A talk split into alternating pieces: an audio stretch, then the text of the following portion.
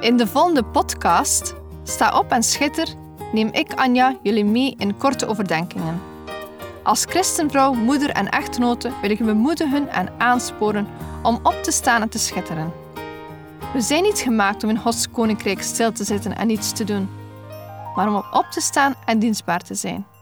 In de eerste plaats zien over God, daarna zien over ons gezin, onze partner of onze geloofsgenoten.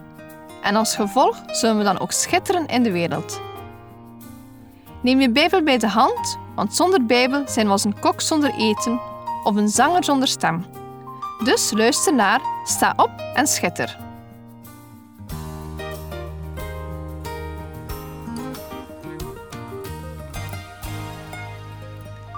We hebben deze week een feestdag in ons land. Altijd fijn om een extra dagje thuis te zijn. En misschien wel eens de ideale gelegenheid om langer in bed te blijven liggen. Sommigen onder ons zullen op deze vrije dag aan het werken zijn, maar krijgen dit op een andere manier gecompenseerd.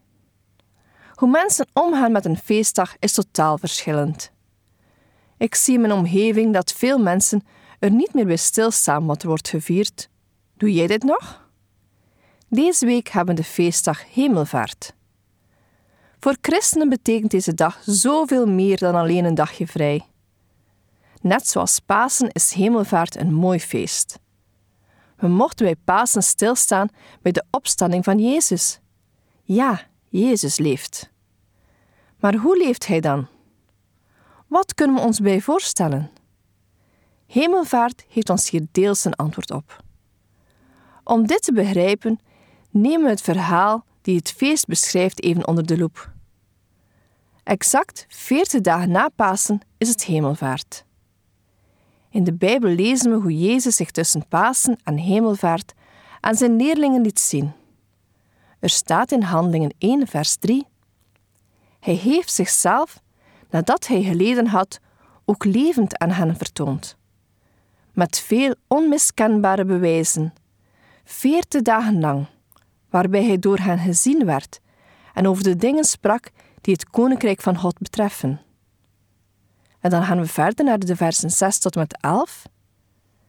Zij dan, die samengekomen waren, vroegen hem: Heere, zult u in deze tijd voor Israël het koninkrijk weer herstellen? En hij zei tegen hen: Het komt u niet toe te tijden of gelegenheden te weten die de Vader in zijn eigen macht gesteld heeft. Maar u zult de kracht van de Heilige Geest ontvangen, die over u zal komen, en u zult mijn getuigen zijn zowel in Jeruzalem als in heel Judea en Samaria, en tot aan het uiterste van de aarde. En nadat hij dit gezegd had, werd hij opgenomen terwijl zij het zagen, en een wolk ontrok hem aan hun ogen. En toen zij, terwijl hij van hen wegging, hun ogen naar de hemel gericht hielden, zie, twee mannen stonden bij hen in witte kleding, die ook zeiden: Galileese mannen, waarom staat u omhoog te kijken naar de hemel? Deze Jezus, die van u opgenomen is naar de hemel, zal op dezelfde wijze terugkomen als u hem naar de hemel hebt zien gaan. Eerst en vooral lezen we dat Jezus veertig dagen lang verschijnt aan zijn leerlingen. In de Bijbel komt het getal veertig vaak voor. De zondvloed duurde veertig dagen en nachten. Noah wachtte veertig dagen voordat hij de ark opende. Mozes bleef veertig dagen op de berg Sinaï, waar hij de tien geboden kreeg van God. Het volk van Israël trok veertig jaar door de woestijn nadat God hen bevrijd had uit de slavernij in Egypte. De reus Goliath daagde de Israëlieten veertig dagen lang uit voordat David hem uiteindelijk doodde met zijn slinger en steen. Jona zei tegen de inwoners van Nineveh dat God over veertig dagen de stad zou vernietigen. Elia was veertig dagen onderweg naar de berg Horeb. Jezus verbleef veertig dagen in de woestijn. Het tal 40 komt maar liefst 146 keer voor in de Bijbel. 40 staat dan ook symbool voor een tijd van boetedoening, bezinning, vasten of beproeving. Je zou kunnen zeggen dat de tijd van Pasen tot Hemelvaart een tijd van bezinning is, van omschakeling.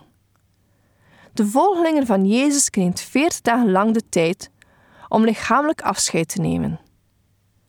Hemelvaart is de afsluiting van het aards bestaan van Jezus. Het einde van zijn verschijningen aan de apostelen en de andere leerlingen. Het gaan van iemand is altijd een gemis. In het geval van Jezus kwam er iets in de plaats, namelijk de Heilige Geest. De Heilige Geest zal ook ons helpen om de boodschap van Jezus goed te verstaan en in de praktijk te brengen. We hebben zo net gelezen hoe de leerlingen naar de hemel staren en dan de belofte krijgen dat Jezus ooit zal terugkomen. Wat een belofte! Die belofte is ook voor ons. Dat Jezus terug is gegaan naar de hemel, betekent dat hij niet langer mens is. Als mens kon hij maar op één plek tegelijk zijn, gebonden aan een plaats en tijd. Nu Jezus in de hemel is, kan hij er voor iedereen zijn, voor altijd. Sommige christenen zien hemelvaart als een grote feestdag voor Jezus zelf. Na een bewogen leven op aarde kwam Jezus eindelijk weer thuis. Hij is op de plek waar hij hoort te zijn. De Bijbel beschrijft hoe Jezus ging zitten aan de rechterhand van God, Vader en Zoon herenigd. Het zal voor Jezus zelf ongetwijfeld een bijzonder moment geweest zijn. Wanneer ik stilsta bij de dood en afscheid, besef ik hoe moeilijk het moet zijn geweest voor zijn discipelen. Ze hadden dagen met elkaar opgetrokken. Ze hadden lief en leed gedeeld. Ergens hoopten de discipelen op een koninkrijk op aarde, met een waardige koning aan het bestuur. Maar dit had Jezus niet voor ogen. Het besef van de eeuwigheid na het sterven ontbrak. Daarom dat Jezus die veertig dagen gebruikte om te spreken over het koninkrijk van God. Jezus wou dat ze ten volle zouden beseffen dat het koninkrijk van God er zeker komt. God is immers onze goede Vader, op wie we altijd mogen rekenen. Hij maakt een nieuwe toekomst mogelijk. Wij christenen mogen al eens weer spiegelen van het verwachtende koninkrijk. Het is leven als in een bezet gebied. De duivel gaat rond als een briesende leeuw, zoekend wie hij kan verslinden. Jezus heeft ons niet voor niets leren bidden: uw koninkrijk komen. Daarmee zet Jezus alles in een ander perspectief. Wij christenen zijn niet van deze wereld. We zijn pelgrims op weg naar het hemels koninkrijk.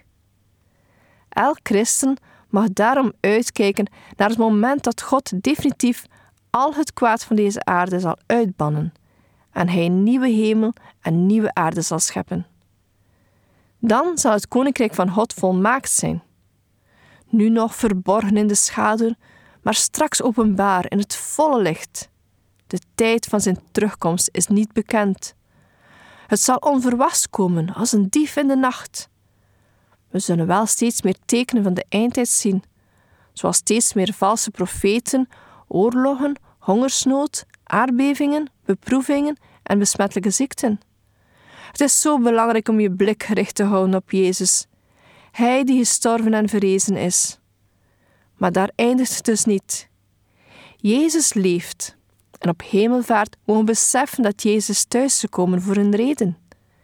Hij maakt voor ons het nieuwe koninkrijk. Misschien maken we de terugkomst van Jezus nog mee, maar misschien ook niet. Ik denk aan de woorden van Paulus in Filippenzen. Want het leven is voor mij Christus en het sterven is voor mij winst. Paulus bevindt zich in de gevangenis wanneer hij die brief schrijft. Ik stel me voor dat ik daar zit, uitgehongerd en vol wonden door zweepslagen. Wat zou ik schrijven? Zou ik schrijven: Het leven voor mij is Christus? Nee, ik zou waarschijnlijk schrijven dat het leven voor mij zwaar is. Maar wat als ik die zin vandaag zou schrijven? Vul zelf maar eens aan. Het leven is voor mij. Je gezin? Je partner? Je werk? Of je hobby's? Laat we stilstaan bij ons leven en dat we het mogen zeggen met de woorden van Paulus. Want het leven is voor mij Christus en het sterven is voor mij winst. Ja, ook het laatste deeltje. Sterven is winst. Ik ben niet bang om te sterven, want ik zie uit naar het prachtige eeuwige koninkrijk van Jezus. Een heerlijke toekomst. Hemelvaart is eigenlijk gewoon het paasfeest, maar dan nog eens goed opnieuw. Op Pasen is de overwinning behaald en op Hemelvaart wordt de huldiging van de overwinnaar nog eens officieel overgedaan. Hemelvaart leert ons geloven wat we niet zien. In geloof mogen we als het ware omhoog kijken en zien hoe Jezus thuis is gekomen, hoe Hij de ereplaats neemt naast de Vader. Hij wordt ingehuldigd, gekroond als koning. Met ons lichamelijke ogen zien we alleen de afwezigheid van Jezus. Maar het geloof kijkt omhoog en ziet Jezus met eer en heerlijkheid gekroond. Dat is de echte reden om hemelvaart te vieren. Niet het feit dat hij hier vertrok. Onze koning leeft. Laten we als christen die boodschap uitdragen door er naar te leven. Laten we schitteren en zijn koninkrijk verkondigen. Deze podcast kun je steeds opnieuw beluisteren via de website en app van twr.be. Als je deze aflevering leuk vond en je wilt de podcast helpen ondersteunen, deel hem dan met anderen. Heb je gebed nodig of wil je reageren op deze uitzending? Zend dan gerust een mailtje naar anja.twr.be. Bedankt voor het luisteren.